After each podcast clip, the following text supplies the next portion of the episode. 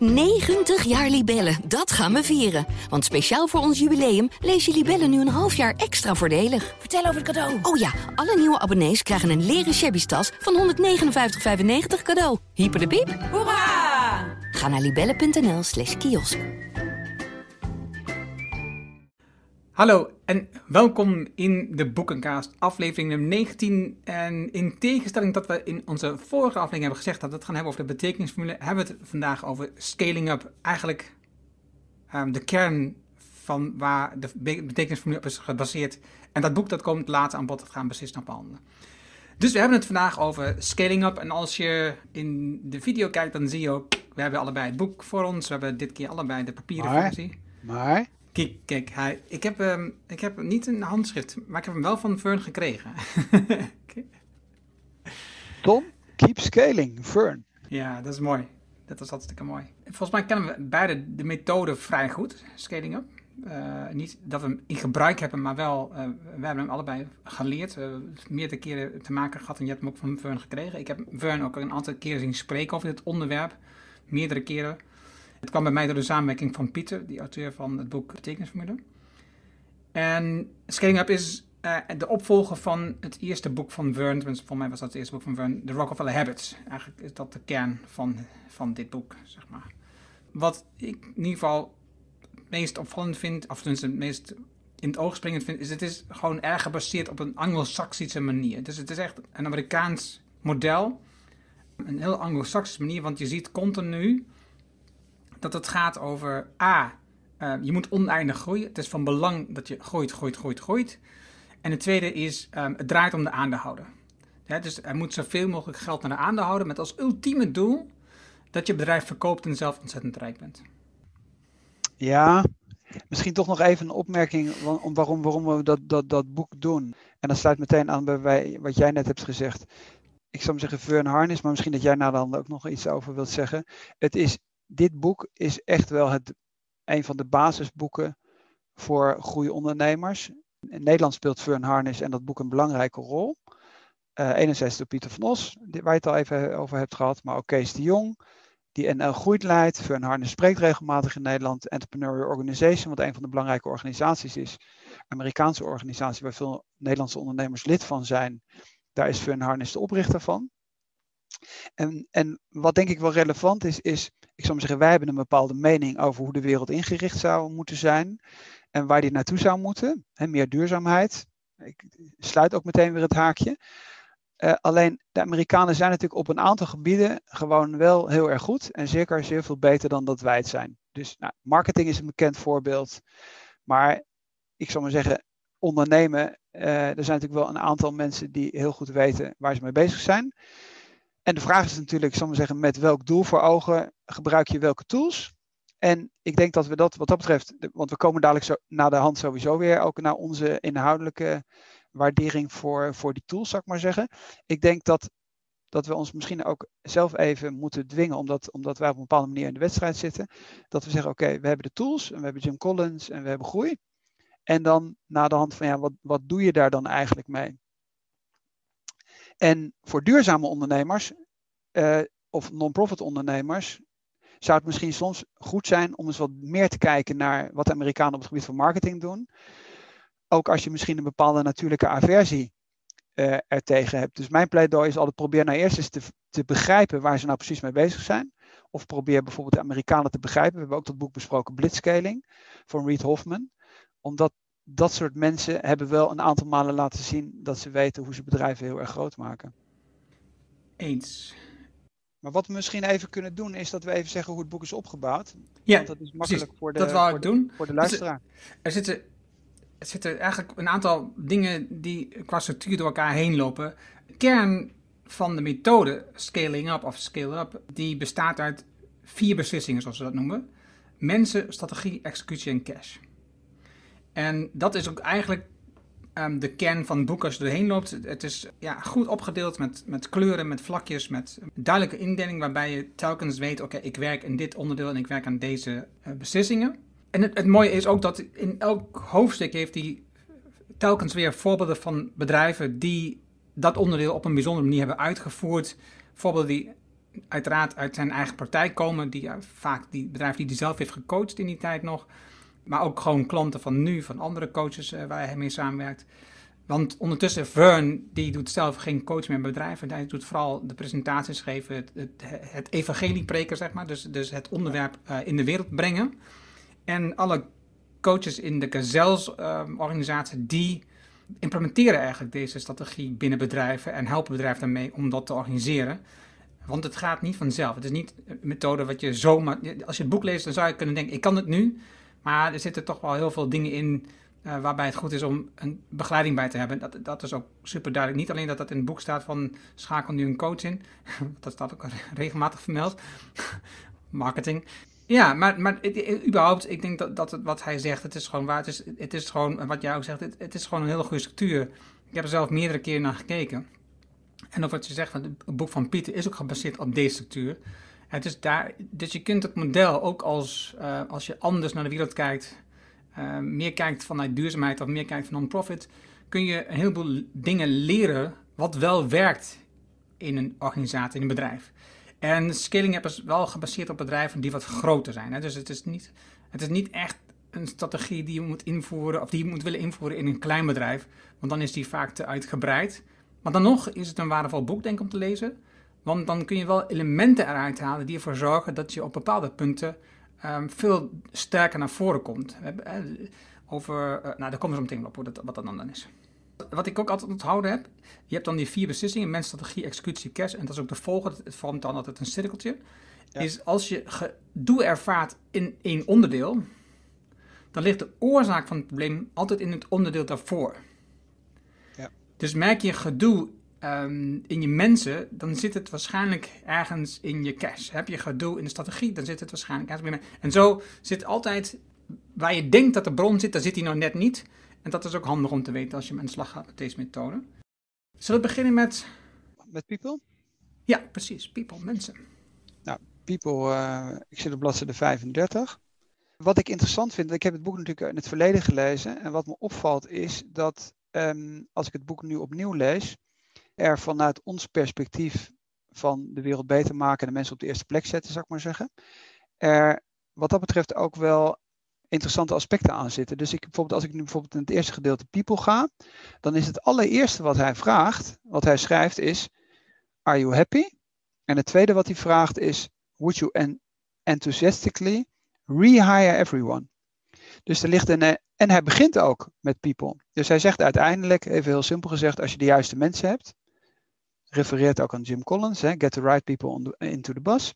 Als je de juiste mensen hebt, dan komt de rest ook goed. Dat is in ieder geval een goed uitgangspunt. Maar hij begint dus met Are You Happy, wat best wel, ik zou maar zeggen, een softe, een softe aanpak is. Dus wat mijn conclusie bijvoorbeeld van het hele boek is, is dat het, omdat ze natuurlijk een bepaalde manier van communicatie hebben, wat, wat voor ons Europeanen, eh, wij zijn natuurlijk allemaal wat, wat, wat, wat terughoudender. Uh, als, we, als je daar eens door, doorheen prikt en kijkt van ja, waar start hij nou eigenlijk mee?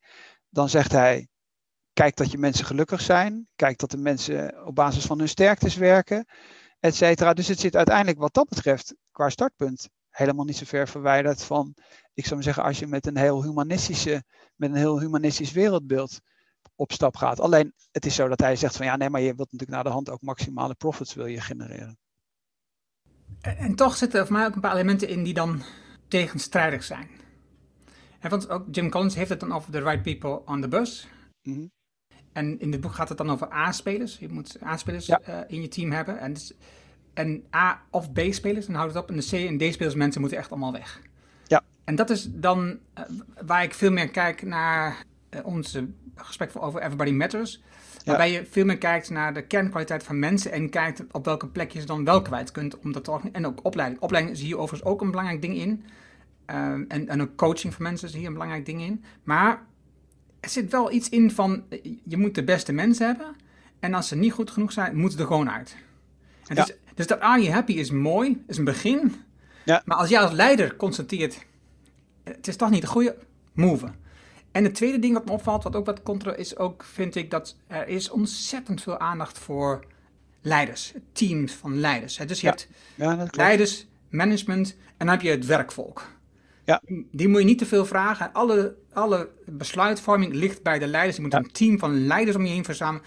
Ja, en, dat, en dat is ook iets waar ik dan denk van, ja, bij Everybody Matters bijvoorbeeld is dat veel beter georganiseerd, waarbij je veel meer iedereen betrekt in het proces. En ook wat bij jullie met Holacracy, waarbij je veel meer kijkt naar de rest van de organisatie. En ik denk als je een mix zou kunnen maken van die twee dingen in je mensenaspect, in dat onderdeel, Ja. dat je niet alleen kijkt, nou ik wil gewoon alleen maar aanspeels hebben en de rest, die mag naar de concurrentie gaan, want dat mogen toch Ja. slechte bedrijven worden. En meer kijkt hoe kunnen we samen een, een bedrijf bouwen. Ja, nee, dat ben ik met je eens. Wat dat betreft, ehm, ik zit bijvoorbeeld nu op bladzijde 66, hij noemt dat topgrading.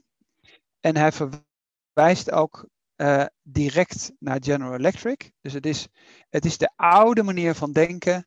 En de vraag die ik me bijvoorbeeld ook stel is in hoeverre je bijvoorbeeld ook daar niet sterker zou moeten differentiëren. Dus als jij zelf een bedrijf opbouwt, dan is de vraag of dat topgrading het juiste uitgangspunt is. Wij zouden beide zeggen nee. Hè, want wij zitten veel meer van, eh, juist als je het zelf opbouwt, die menselijkheid, eh, Bob Chapman, nou, andere podcast. Ik weet even de aflevering niet, maar dat zal je wel in de show notes zetten. Dus luister naar Bob Chapman, Everybody Matters, daar wordt nou juist helemaal niemand ontslagen. En hij zegt hier, nee, General Electric, dus wat dat betreft heel erg oldschool. Je moet gewoon elk jaar een lijstje maken en die 20% beste mensen, die moet je worst voor je neus houden. En aan de onderkant moet je 20% eruit en dan word je elk jaar beter. Dat is, dat is in principe dat, dat topgrading.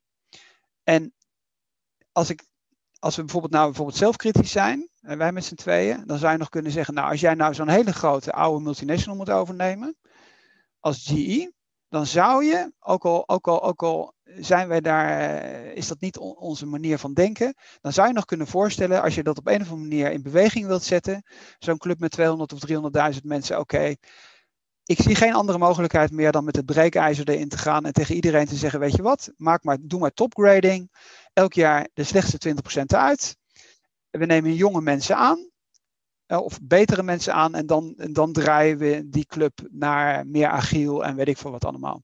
Maar als je natuurlijk bij kleine bedrijven bent en jezelf ook die mensen uiteindelijk ook allemaal aan het begin binnen hebt gefietst, valt dat argument een beetje weg. En een beetje kan ik ook meteen weglaten, dan valt het argument weg. Dus als jij als ondernemer, neem nou even mij of ons als ondernemer met mijn collega's, als wij een bedrijf van 50 mensen hebben opgebouwd tot nu toe, ja, dan kun je niet iemand anders de schuld geven dat jij in het verleden iemand hebt aangenomen waarvan je vindt dat hij in die topgrading tot de slechtste categorie behoort. Dus ik denk wat dat betreft zou je misschien een beetje moeten differentiëren. En het aardige is dat hij op die andere bladzijde dan weer Zappos als voorbeeld noemt. Wat dan juist eigenlijk, wil niet zeggen dat het tegenovergestelde is van General Electric, maar hebben we ook besproken in het boek, dat je zegt van ja, toch wel een heel ander verhaal. Hoewel het natuurlijk wel weer interessant is dat toen Zappos Holocracy wilde invoeren, op een gegeven moment zei van nou weet je wat, we gaan dat versnellen. Of tenminste, dat was hun, hun insteek. Mensen die niet mee willen doen, eh, die gaan maar weg. Pay to quit heet dat dan. En Tony Shea heeft altijd gezegd van ja, als nou die 15% die die bonus aannam om weg te gaan, dat maakt het makkelijk om iets te implementeren. Ik ben daar niet over uit, ik weet dat niet. Ik zou meer zeggen, ik ben de aanhanger van Bob Chapman en uh, je rijdt gewoon elke keer weer opnieuw met die bus om het blokje, totdat iedereen zover is. En ik denk dat het uiteindelijk in de long run, op lange termijn voor je bedrijf beter is, omdat het idee van ik ga beslissen wie wel of niet past, best wel heel erg moeilijk is en misschien ook op lange termijn ook de verkeerde beslissing is geweest. En dat, daar zou Bob Chapman zeggen, ja nee dat is zo. En kijk maar hoeveel bedrijven ik elke keer weer omdraai, omdat ik elke keer weer dat rondje blijf rijden. Dus dat is, blijft een spannende discussie. En daarom vind ik eigenlijk bij, bij wat hij zegt, dat hij de mensen op de eerste plek zet en zegt van nou, focus je op dat talent. Betaal ze bijvoorbeeld ook beter dan anderen. Heel interessant. Dus hij zegt niet betaal ze minder, want dan verdien je als aandeelhouder meer. Nee, hij zegt eigenlijk betaal je mensen veel beter. Betaal liever minder mensen beter betalen dan meer mensen slechter betalen. En dat is dan eigenlijk weer als je zegt van aan het einde wil je zoveel mogelijk geld als ondernemer verdienen. Dan zeg je van ja, dan zal hij zeggen, dan zal Vern Harnis zeggen ja, maar ik heb liever minder mensen die ik beter betaal, want dan heb ik een hogere productiviteit. Maar er zit ook wel iets in van waardering voor, voor, voor goede mensen. Dus ik, ik ben er nog niet helemaal over uit. Uh, maar de uitgangspunt is natuurlijk wel dat hij, wat hij ook wel beschrijft, is dat zo'n persoon niet gewoon twee, drie keer beter is. Die is gewoon honderd keer beter. Honderd keer sneller in zijn werk wat hij doet. En het andere wat me ook nog, zit ik nu net te bedenken, wat me ook nog opvalt, is wat ik voor mezelf heb is dus als je naar Drive kijkt, ehm, waar Vern regelmatig mee werkt, is mensen een worst verhouden. Het is iets, eh, ze doen uh, kwartaal uh, evenementen waarbij je bedrijf als, als ja, op een onderwerp met iedereen gaat verbeteren en daar dan beloningen aan koppelt. Ja, en we hebben het in het boek Drive al gezien. Dat, dat, zijn, dat zijn nou juist dingen die het, die het niet doen. Die, als je een beetje pech hebt, juist zorgen voor het tegengestelde effect wat je wil. En, en dat zijn dan ook dingen die ik ook niet goed. Ik denk, heeft, Vern haalt zoveel goede boeken aan in dit verhaal. Zoveel interessante boeken die we of gelezen hebben of eerder gelezen hebben. En dan, en dan zo'n boek als Drive zie ik niet terug. Of wordt het niet genoemd volgens mij? Jawel. Of wordt het wel genoemd? Wel. Juist wel. Want dat, dat was op bladzijde 70. En dat is bijvoorbeeld, dat zou mijn. Daarom zeg ik, ik ben nog steeds een beetje in dubio. Dus ik begrijp niet. Hè, wat jij nu net ook zegt. Juist, bijvoorbeeld, dat is bladzijde 70. En dat is higher, less, higher. dus haal minder mensen, maar betaal beter. En dan zegt hij Daniel H. Pink in his bestselling book Drive, The Surprising Truth About Motivators. Dat is nou exact eigenlijk in tegenstelling of in, in strijd met zijn hele verhaal. Dus ik zou bijvoorbeeld als Fern hier zou zitten, zou ik zeggen, Fern, ik begrijp niet dat jij nou juist Drive noemt, want waar gaat het bij Drive om? Purpose, autonomy en mastery. Nou, de, Daniel Pink zal ze in een andere volgorde neemt hij ze. Maar purpose, zegt, purpose komt hier precies aan het bod. Dus dat, dat ja, dat weet ik ook wel. Maar voor hem is purpose B-hack en dat is een groot getal, ja, et cetera. Maar autonomy, dat... autonomy zie je niet terug. Nee, daarom. Dus het is, wat dat betreft zou ik zeggen, nou, als het boek, dus Daniel Pink te noemen, met, met die drie criteria, we hebben die podcast al over hem gedaan. Dat gaat over purpose. Nou, dan zal Daniel Pink zeggen, uiteindelijk, als het bigger is than yourself, He, motivates us more. Nou, dat is een tegenstrijd. Dat, noemt, eh, het is niet zo dat hij zegt van ja, je moet de wereld gaan verbeteren. Dat is niet de insteek van Vern. Het zou kunnen, maar dat is, dat is niet primair uh, zijn, zijn insteek. Het tweede is autonomie. Nou, dat is in tegenstrijd met wat, je, wat jij net zei, van dat, dat die leider die andere mensen vertelt hoe die het moet doen. Dat is toch wel echt wel een kern in zijn boek. En dat mastery van het vakmanschap, nou dat zou je in principe nog dan neutraal kunnen zeggen. Nou, dat is een beetje om het even hoe je dat definieert. Hoewel mastery eigenlijk in, de, in, in het Rijnlandse of in het, in het, ook in het model van Daniel Pink betekent. Mastery eigenlijk iemand heeft bepaalde vaardigheden en dan moet je, daar ook niet, moet je ook niet lopen micromanagen. Dus iemand die, die, die sterk meesterschap heeft, die hoeft niet gemanaged te worden. Dus daar heb je helemaal geen sterke, hoef je helemaal geen sterke leider boven te zetten. Dus ik denk, als wij met hem zouden spreken, zouden zeggen: uh, Ik begrijp helemaal niet dat jij dat boek noemt, omdat dat boek eigenlijk een beetje tegenspraak is met wat jij eigenlijk als, als, als model bespreekt in je boek. Ja, eens. Oké, okay. door naar strategie. Strategy. Scaling up strategy. De kern bestaat uit je kernwaarden, je purpose en je competenties. Eigenlijk dus de waarom van je bedrijf. Ja. Ja, ik, ik, ik denk dat dat goed is en ook standaard is. Ik denk als je, als, je, als je iets met je bedrijf wilt in de toekomst, als je ergens naartoe wilt, dan zijn dat wel een van de eerste dingen die je doet. Is wat zijn eigenlijk de kernwaarden van ons bedrijf? Wie willen we wel als klant, wie willen we wel als medewerker? Wat is, waarom doen we dit in godsnaam? En wat voor competenties hebben we eigenlijk in huis als bedrijf, maar ook als medewerkers? En, wat, en, en wie kunnen we daarmee bedienen? Dan heeft hij daarna de zeven strata van je strategie. Ik, de strata ik niet, niet vertalen.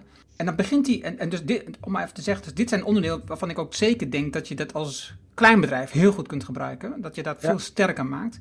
Hij begint met de woorden die van jou zijn. En dus dat zijn de woorden, één woord of meerdere woorden, die, waarmee je de zoekwoorden, uh, de zoekmachine overheerst. Waarmee je die in de hoofd van je klant zit. Als ze dat woord horen, dan weten ze, dan denken ze aan jou. Veiligheid bij auto's, denk je aan Volvo.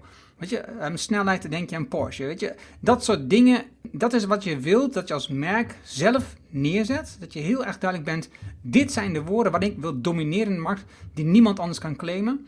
En dat betekent gewoon eigenlijk dus dat je alle uitingen niets anders doet dan continu die woorden naar voren brengen. De tweede, dat is wie en waar, wat verkoop je en dan gaan ze naar drie merkbeloften. En wat zijn de KPI's? Hè? Dat zijn de KPI's zijn de Kept Promise Indicators. Die zijn gebaseerd op die merkbelofte. Dus je doet een belofte wat je als merk doet.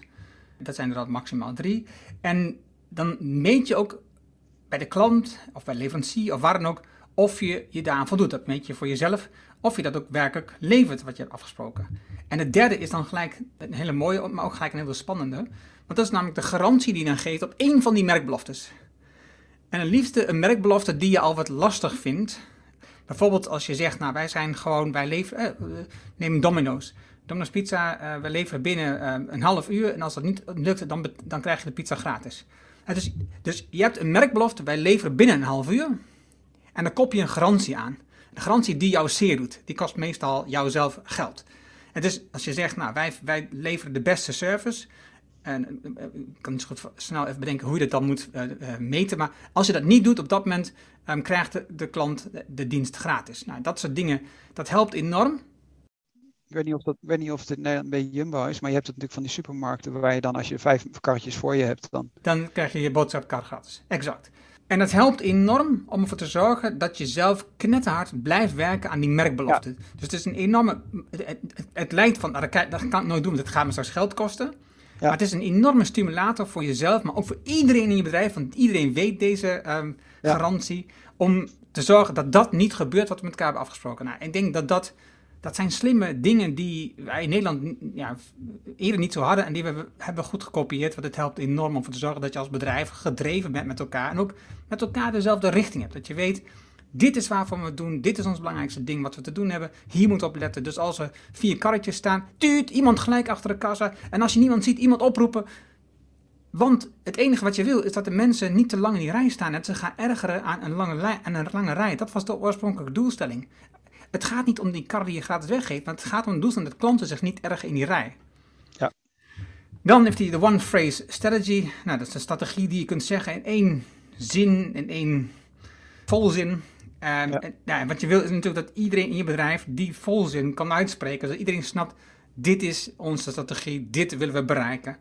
En uh, dan heb je de onders onderscheidende activiteiten om dat dan te realiseren. Dan heeft hij de drie tot vijf heb je er dan die je doet. Ik vind vijf al wel vrij veel. De X-factor, de keerfactor. Dus, dus hoe kan ik met dit product 10 keer zoveel of 100 keer zoveel uh, verdienen dan uh, mijn concurrenten? En als laatste de winst per X. En misschien wel de meest belangrijke, wat we vaak de B-hack. De B-hack is de Big Hairy Audacious Goal. Is ook van Jim Collins. En, um, maar het grappige is wat hij dus in het boek doet. Wat hij echt opschrijft is ook. Dus dat hij dus zegt, ja, dat moet een getal zijn. Ja, klopt. Het is, het is zo groot worden wij, zoveel miljard omzet hebben wij. Er moet een getal zijn, daar moet... Ge en nou, dat zijn we dus allebei, hebben we daar een iets een andere mening over, als ik me voorzichtig uitdruk. Nou, ik, ik denk dat het een beetje ervan afhangt wat het is. Dus je kunt, um, ik zou zeggen, uitgangspunt is voor ons natuurlijk dat we zeggen, oké, een purpose, dat is iets wat meerwaarde heeft voor de maatschappij. En dat is uiteindelijk wat ons intrinsiek uiteindelijk allemaal bezig gaat. En we weten uit onderzoek dat bijvoorbeeld ook inkomen vanaf een bepaald moment is dat helemaal geen motivator meer. Uh, alleen je kunt natuurlijk die dingen wel met elkaar combineren. Dus je kunt bijvoorbeeld zeggen van, uh, ik noem wat, als jij de vegetarische slager bent, dan kun jij best iets kwantitatiefs formuleren en zeggen van nou we willen zoveel procent marktaandeel hebben of zoveel procent vegetariërs. Dat kan allemaal wel. Alleen dan moet er een soort link zijn.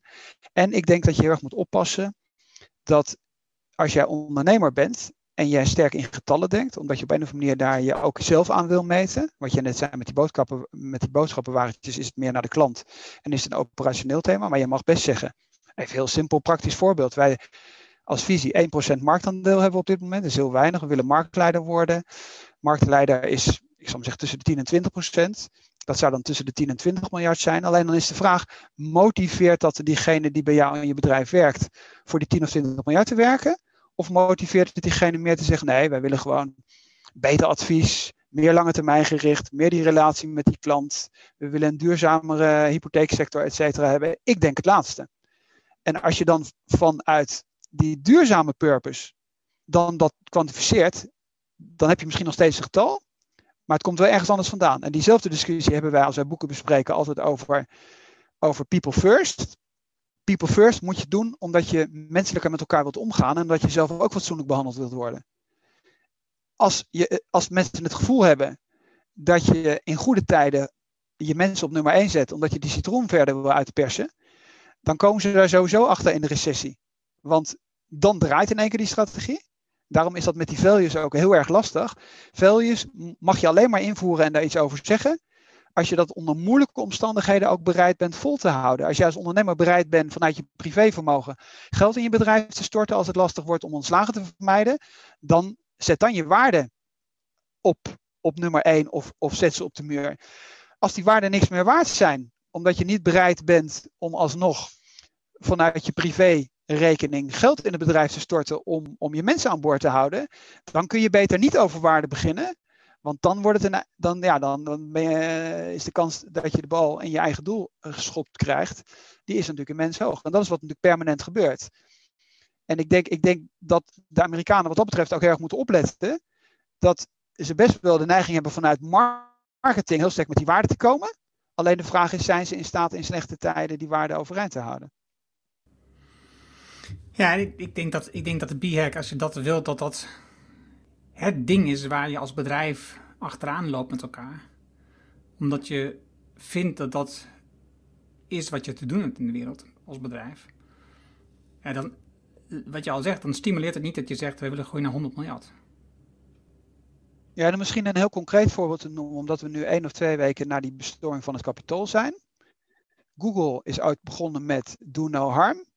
En Facebook heeft altijd geroepen connecting people, hè, want wij zijn zo, wij vinden het belangrijk dat iedereen zo menselijk met elkaar omgaat.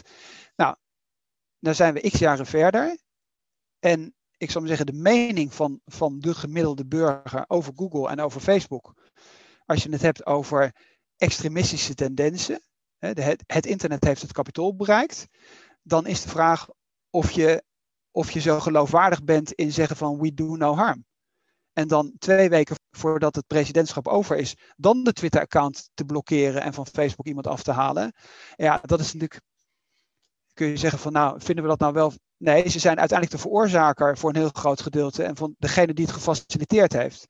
En dat is het grote probleem. Dus je kunt dat doen. Alleen ik zou zeggen tegen ondernemers, ik denk inderdaad dat de mensen zich door een, door een immateriële purpose eerder zullen laten motiveren. Dan ben je ook bij Daniel Pink. Alleen doe dat alleen als je in slechte tijden bereid bent vast te houden aan je principes. Dus Google had, had dat beter niet kunnen doen. Of ze hadden op een gegeven moment moeten zeggen van we gaan het veranderen. En Facebook zag je bijvoorbeeld vorige week dat, dat die discussies intern gevoerd werden van hey, die mensen die daar werkten vonden dat, eh, dat die account van Trump geblokkeerd moest worden. En, en, en Mark Zuckerberg die verbood dat in eerste instantie. En hij ophouden met discussiëren. En, en bij Google heb je nu een vakbond. Dus waarde is iets waar je zeer, zeer, zeer goed over na moet denken. Uh, of je daarmee aan de slag gaat. En als je aan de slag gaat, dan wees consequent. Ja, Mark Zuckerberg wordt ook een paar keer genoemd. En dan als je even terugkijkt naar het vorige hoofdstuk, dan zie je ook weer opnieuw wat Vern dan doet. Is, het is toch elke keer weer de sterke leider naar voren schuiven die dan alle keuzes heeft gemaakt. Want het wordt het voorbeeld toegelicht van Mark Zuckerberg dat ze zijn gegaan voor uh, mobile. En, uh, en dat komt allemaal uit de koker van Mark Zuckerberg. Ik geloof er helemaal niets van. Maar dat is het beeld wat we graag willen zien. Dat, er, dat, er, dat, er, dat een ondernemer buiten proporties groot is en ook slim is en alles weet, alles, alles wetende is. En nou, is, uh, zo werkt het volgens mij niet. Maar goed, wat hij slim doet ook is, is dat je een, een, strategisch plan krijgt op één pagina. Dus één A3. Ja. En dan, krijg je, dan heb je alles bij elkaar. En als je een klein bedrijf bent, dan laat hij heel slim ook een paar dingen weg. Dan heb je de Vision Summary, die komt 1A4. En dat is eigenlijk, denk ik, als je, uh, ik, ik, werk vaak met ondernemers die wat kleiner Dat is iets wat je heel goed kunt gebruiken als klein ondernemer. De Vision Summary is precies de basis waarin je dus die, die, die zoekwoorden, die woorden die, van belang zijn, die merkbeloften, waarom doe je dingen, de B-hack, die komt allemaal naar voren. En, en, dat zijn dingen die goed zijn om helder te krijgen in bedrijf en ook aan iedereen helder te maken. Niet alleen aan je medewerkers, maar ook aan je klant, dat iedereen snapt waarom, waarom doe je wat je doet. Dat op je website dat overal helder is. En dat is wat veel ondernemers vergeten te doen. Die hebben het allemaal in hun hoofd. Dit is waarom ik het bedrijf ben begonnen. Dit is wat ik moet doen. Dit is wat ik vandaag wil doen. Dit is wat ik volgend jaar wil doen. Dat zit allemaal in hun hoofd en ze zijn ontzettend druk mee. En ze vergeten hun mensen daarin mee te nemen heel vaak. Ja, maar wat ze natuurlijk, wat de Amerikanen gewoon veel beter doen dan de Europeanen, is dat ze ten eerste, ze durven dingen simpel te maken. Dus wij zetten overal ja maar achter. Of er zijn zoveel uitzonderingen. Dat doen de Amerikanen niet. Ik, het is ook heel erg gegeneraliserend nu, hè? maar dat keep it short en simpel. En uh, niet meer dan zoveel doelen. En iedereen doet het op dezelfde manier. En niet, en niet iedereen een beetje anders. Dat, daar zijn ze heel sterk in. De tweede waar ze heel sterk in zijn bij de B-hack is dat ze veel groter durven te denken. Je zegt van, nou, je kunt, ik heb, ben Airbnb en je kunt bij iemand anders op de sofa gaan liggen. En dan zeggen ze van ja, dat is, dat is 30 miljard markt en uh, we gaan de hele wereld veroveren. En in het begin zegt iedereen van ja, maar uh, Wat bedoel je daar precies mee? Dus uh, die durf heel groot te denken. Die bescheidenheid, die blokkeert ons wat dat betreft heel vaak in het groot denken. En dan zijn we wel heel, heel blij dat we ergens ver zijn gekomen. En dan zijn we uiteindelijk zover. En dan zeggen van, hé, eindelijk zijn we daar, dan verkopen we ons bedrijf. Waar ik dus zo'n enorme tegenstander van ben. En die Amerikanen zeggen van, nou, nu beginnen te lopen, nu gaan we de wereld veroveren. Maar als je natuurlijk als Nederlandse ondernemer zegt, wij gaan de wereld veroveren. En Picnic zou zeggen, we willen de grootste supermarkt van de wereld worden. Dan staan er tien journalisten klaar en die zeggen, ja, maar is dat niet een beetje groot gedacht? Hoeveel omzet doen jullie eigenlijk ten opzichte van Albert Heijn op dit moment in Nederland? Dus, en dat maakt het qua cultuur lastig. Alleen ik denk dat ondernemers, dat het wel vaak verfrissend is. En daarom vinden we die Amerikanen soms ook zo, zo fijn om naar te luisteren. Dat we natuurlijk ook allemaal, allemaal een beetje de grootste supermarkt van de wereld willen worden. Dus misschien moeten we gewoon wat stiekem, wat meer dromen zoals de Amerikanen zeggen wat ze doen. Bescheiden blijven in onze communicatie, maar nog steeds ervan dromen dat we met Picnic de grootste supermarkt van de wereld willen worden, want die potentie is er. Oké, het vierde deel dat is executie. En wat je hier ziet is er uh, ontzettend veel aandacht voor focus. Nou, dat is uh, koor op mijn molen zou ik zeggen. Er komt continu terug het belangrijkste ding wat je te doen hebt. Het ene ding waar je met je bedrijf voor gaat ieder kwartaal. Je hebt drie prioriteiten als afdeling, als team, als mensen, als, als medewerker. Ieder kwartaal schrijf je één ding naar voren waar je met het hele bedrijf geconcentreerd aan werkt. En daar heeft hij ook eh, mooie voorbeelden van, van verschillende bedrijven die dat dan hebben gedaan, heel succesvol met verschillende onderwerpen waar ze een bedrijf in kosten hebben bespaard of waar ze uh, meer serve of meer klanten hebben binnengehaald. Allemaal mooie voorbeelden die, kunt, die kun je lezen, die kun je denken van ja, dat is, dat is wel een, een, interessante manier om dit naar voren te brengen. Dan zie je ook verschillende manieren van compensatie, net over gaat, die naar voren komen. Het tweede deel in het deel van executie, dat gaat over data. Ik weet niet zo goed wat ik daar nog mee moet, daar heb ik nog echt moeite mee. Alles moet worden uitgezegd en worden vastgelegd. Je hebt gesprekken met klanten en dat vind ik wel goed. Hè, dat je ook als, als manager, als, als ondernemer, als CEO, als leider gesprekken hebt met klanten. Dat kan ik enorm waarderen. Maar ook heel veel enquêtes onder medewerkers, onder klanten. De NPS-score, de Net Promoter Score, speelt een enorm belangrijke rol in het boek. In de werkwijze. Dus je moet, de, je moet weten Hoeveel van je klanten bevelen je aan bij andere klanten? Ja, ik ben niet zo'n fan van die uh, Net Promoter Score.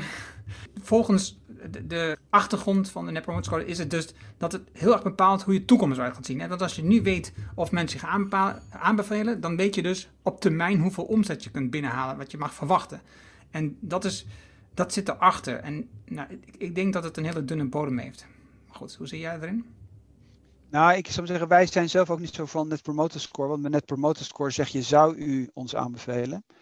En wij zijn veel meer van, meet gewoon hoe vaak je aanbevolen wordt. En nou is het wat dat betreft is dat een makkelijk thema voor ons, omdat wij de eerste acht jaar alleen maar gegroeid zijn door aanbevelingen, helemaal geen reclame hebben gemaakt. Uh, heeft ook wel een beetje ermee te maken dat we de mensen allemaal zelf opleiden, dus dan kun je ook niet zo snel opschalen.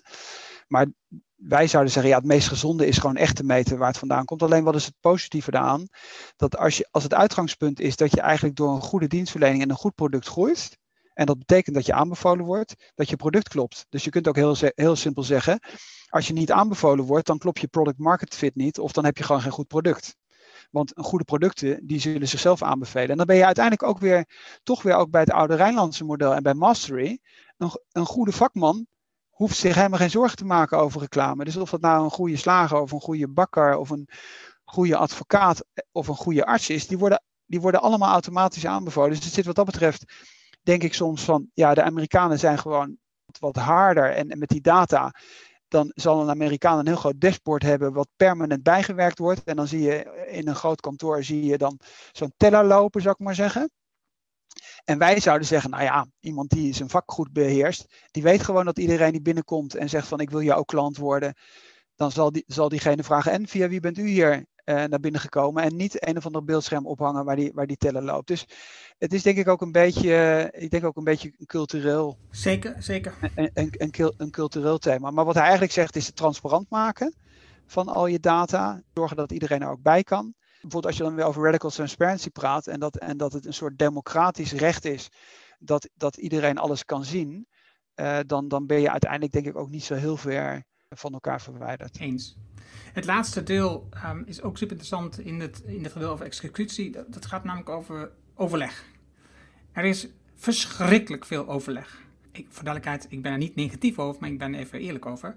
Er is ook een hele duidelijke en vaste structuur. Er is een vaste structuur in de hoeveelheid overleg, maar ook in het overleg zelf. Elk overleg heeft een hele vaste structuur. Je hebt een dagelijks overleg, een stand-up. Je hebt een wekelijks overleg, een maandsoverleg en een kwartaaloverleg. En uh, voor duidelijkheid, uh, hoe groter het overleg, hoe meer leiders aan tafel zitten, hoe minder uh, je doet met allerlei mensen. Als je een overleg hebt, dan is het beter om meer mensen het overleg te hebben dan met minder mensen meer overleg te hebben. Ik merk dat dit bij veel bedrijven wordt ervaren als heel negatief. We hebben zelf hebben wij in het Rijnlandse een vrij negatief gevoel bij overleg, denk ik, omdat er veel overlegd wordt en, weinig besloten wordt. En dus je hebt veel praten, praten, praten, praten. En uiteindelijk um, komt er dan een soort um, gemiddelde uit. En hier heb je ook veel overleg, maar veel concreter. Er, wordt gewoon, er worden gewoon dingen beslo besloten. Of, moet ik zeggen, en daarbij wordt er gezorgd voor duidelijkheid. Dus door veel um, kortstondig overleg te hebben, zoals een daily stand-up van een maximaal een kwartier. Daarmee zorg je dat iedereen in dat overleg weet wat er gaande is. Je houdt je tot de kern. En dat zag ik ook, want ik ben toen met jullie geweest. Ik heb meegemaakt hoe je in dat Legacy stuk ook verschillende overleggen organiseert. Dan zie je ook dat de overleggen zijn kort. Iedereen kan aansluiten. Het is dus transparant. Um, de structuur is helder, dus daar heb je ook geen discussie over. Maar het is gewoon dat uiteindelijk als je weggaat met elkaar, weet je precies wat aan de hand is. Je weet wat de acties zijn die met elkaar afgesproken. Je weet wat je te doen staat. En dat is, denk ik, wat je wil onthouden van dit, overleg, um, dit overlegstuk. Omdat als ik met ondernemers praat over dat we meer overleg moeten gaan invoeren, dan zijn ze daar meestal tegen. Omdat ze wars zijn van overleg. Ja, maar dat is misschien wel belangrijk om, dat, dat even, om daar even bij stil te staan. Meer overleg is beter. En uh, dat is counterintuitive. En dat is hetzelfde eigenlijk als jij dus als je stress hebt en je het idee hebt dat je snel moet beslissen, dan moet je juist langzamer worden. Nou, of als je verder wil komen, dan moet je meer samenwerken. dus dat, hè, dat Afrikaanse gezegde. If you want to go fast, go alone. If you want to go far, go together. Dus dat zijn, is elke keer zijn dat counter-intuïtieve dingen. Uh, en dan is de eerste intuïtieve reactie is nee, ik wil niet nog meer vergaderen. Dat is de reactie van de ondernemer.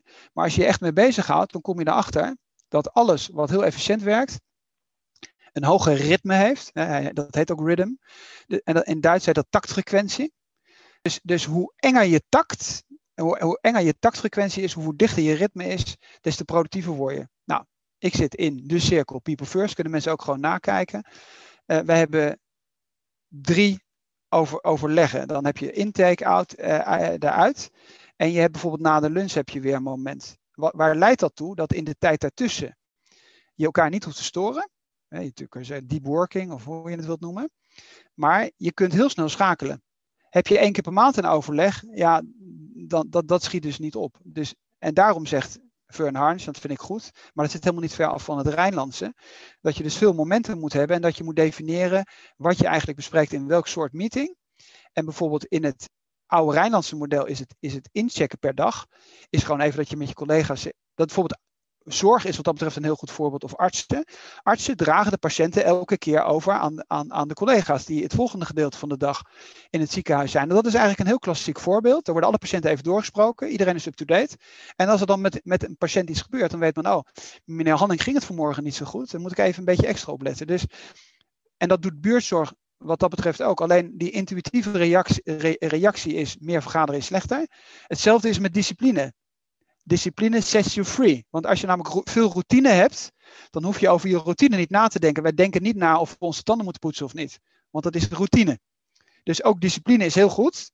Want hoe meer discipline en hoe meer routine je hebt, hoe meer vrije tijd je hebt om over creatieve dingen na te denken. Ja, precies. Dus mensen die dus heel erg creatief zijn ingesteld, die zeggen altijd, ja, is, dat is verschrikkelijk, ik hou niet van discipline, ik wil gewoon veel variatie hebben, ik vind het leuk om allerlei dingen te doen. Um, terwijl ik blijf dan altijd hameren, nee, het is heel erg slim om focus te houden, er zit nog steeds voldoende variatie als je focus hebt. Het, het geeft juist veel meer vrijheid, want het zorgt ervoor dat je duidelijk hebt wat je wil doen. En dat, dat, is het, dat is met dit wat je zegt, het is precies hetzelfde. Het werkt heel erg tegengesteld dan wat je denkt. Mensen zijn gewend, een overleg wat we normaal hebben duurt heel lang en levert weinig op. De uh, directeur is vaak lang aan het woord de mensen van het managementteam die in het overleg zitten, die zeggen ook af en toe wat dingen. En dan moet iedereen nog even wat zeggen over hetzelfde onderwerp. De meeste, meeste weten er niet eens zo heel veel van. En uiteindelijk als je na twee, drie uur uit het overleg stopt, denk je, wat is er nou eigenlijk, Wat is nou eigenlijk besloten? En dan, als je pech hebt, moet je na een uur weer terug om te vragen, en wat moet het dan met dit onderwerp? Want dat is niet besproken. Ja, en je hebt ook het grote voordeel dat, uh, we zitten natuurlijk nu in tijden van de coronacrisis, dat, dat als intervallen kort zijn, creëert dat meer rust. Of je kunt ook sneller schakelen. Dus even een heel concreet voorbeeld. Wij delen elke donderdag de liquiditeit mede. Dat leidt ertoe dat mensen nooit gaan nadenken van ja, hebben we voldoende liquiditeit? En als het de positieve of de negatieve kant op gaat, dan kun je ook reageren omdat het elke week plaatsvindt. Zouden wij één keer per kwartaal de liquiditeit mededelen, ja, dan ben je dus veel te laat, want je kunt helemaal niet meer bijsturen. Er is wel een reden waarom, waarom die korte intervallen zo relevant zijn. Ja, dit is een mooie brug naar het, uh, het, het, vierde deel van dit verhaal. Liquiditeit, scaling up, cash gaat het over. Ja, grappig genoeg, dit is natuurlijk ook een onderwerp dat veel ondernemers heel duidelijk is. Tegelijkertijd, ik denk als je hard goed dat je het niet in de gaten hebt, dat het een enorm probleem zou kunnen worden. Ja, dus het gaat over cash, het gaat over het geld wat je hebt, liquiditeit, de, de, de middelen die je hebt om facturen te betalen. Dus, dus als je een, een, een, bedrijf hebt wat hard groeit, dan heb je vaak een omzet die dus omhoog giert. Ja, dus je doet het ontzettend goed in het leveren en, en verkoop van je producten. Ja. En tegelijkertijd eh, lopen je kosten de pan uit, want uh, je bent bezig met de toekomst. Je weet dat je nog harder moet groeien, je weet dat je nog meer mensen nodig hebt, dus je bent bezig met de kosten. Terwijl je een mooie winst kunt laten zien aan het einde van het jaar, kom je geld tekort om de factuur die er nu zijn te betalen. En dat is killing.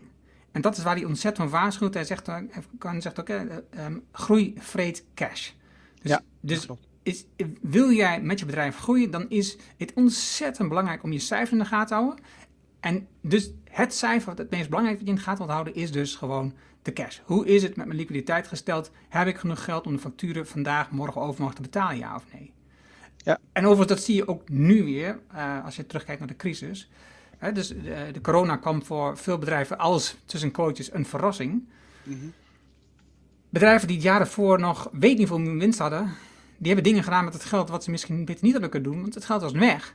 En ze, ja. hadden dus nu geen, ze hadden geen liquide middelen om dat moment nog de noodzakelijke facturen, laat staan hun mensen te betalen. Het is, dus het is slim om niet alleen na te denken over je cash, hoe het gaat in een tijd van groei, maar ook in een tijd van neergang. Om dan ja. voorbereid te zijn, om voldoende cash te houden voor, voor dit soort situaties. Het is, het, is over, het is het kleinste hoofdstuk overigens. Ja, wat ik daar overigens wel interessant vind is, als je bijvoorbeeld dan, helemaal in het begin van deze bespreking hebben we het over gehad van ja, hoe is dat met de Amerikanen? De Amerikaanse bedrijven hebben gemiddeld vier weken cash. De Rijnlandse bedrijven, of de klassieke familie-eigenaren van MKB, die, die, die weten, omdat het van generatie tot generatie doorverteld wordt, nou, daar komen ook weer slechte tijden, dus je moet een aantal jaren moet je het vol kunnen houden. Nou, nou woont Fern Harness in Barcelona, dus ik ben er nog niet helemaal over uit of hij misschien zelf ook tussen die werelden zit. Want pleiten voor heel veel cash is heel erg Europees en heel weinig Amerikaans. Want de Europeanen denken heel erg lange termijn. En zeker als het klassieke MKB is, wat geen geld van private equity krijgt. En wat niet, wat niet de groei boven alles zet. Dus dan gaat het om profitabele groei, stabiele groei. Dat hele idee van anti-fragile, dat je buffers en zo hebt, is nou juist heel erg Europees. Dus ik ben er nog niet helemaal over uit. Ik vind het hartstikke goed dat hij zegt veel cash. Dat je, en hij zegt van nou, omdat je je groei kunt financieren. Alleen je kunt zeggen, als nou conjunctuurcycli voor de helft uit groei bestaan en voor de andere helft uit recessies, geldt die cash niet nou juist ook voor recessies. En op dit moment zitten we in een recessie. En dan is de vraag van wie houdt het het langste vol? Dat zijn ook de bedrijven die naar verhouding veel cash hebben. En dat is dus heel erg, eigenlijk heel erg Europees. Dus het, het zou interessant zijn met hem daar eens over in discussie te gaan. Wat mij stoort overigens bij cash is, en ik heb even de pagina gezocht, maar ik vind het niet. Hij denkt daar heel erg weer egoïstisch. Dus hij maakt een lijst en zegt van betaal zelf je partners heel laat. En zorg wel dat je van jouw klanten je geld heel snel krijgt. En, ja, en dat functioneert natuurlijk in een structuur waar je met netwerken werkt, waar iedereen elkaar kent. Uiteindelijk niet. Jij kunt niet ten laste van je toeleveranciers en je klanten eigenlijk altijd de positieve kant voor jezelf willen hebben, maar geen rekening houden met de positie van degene die tegenover je zit. Dus dat, dat kan voor korte termijn wel eens waar gelden. En dan denk ik dat het zinvoller is, en ik weet niet precies welk boek we dat hadden, dat je toch zegt van, je blijft in gesprek met jouw partners en zegt van, nou, ik heb op dit moment een cashprobleem. Is het oké dat ik later betaal, et cetera, et cetera. Maar je kunt niet eenzijdig uh, voor jezelf altijd het beste willen optimeren. Dat kan niet.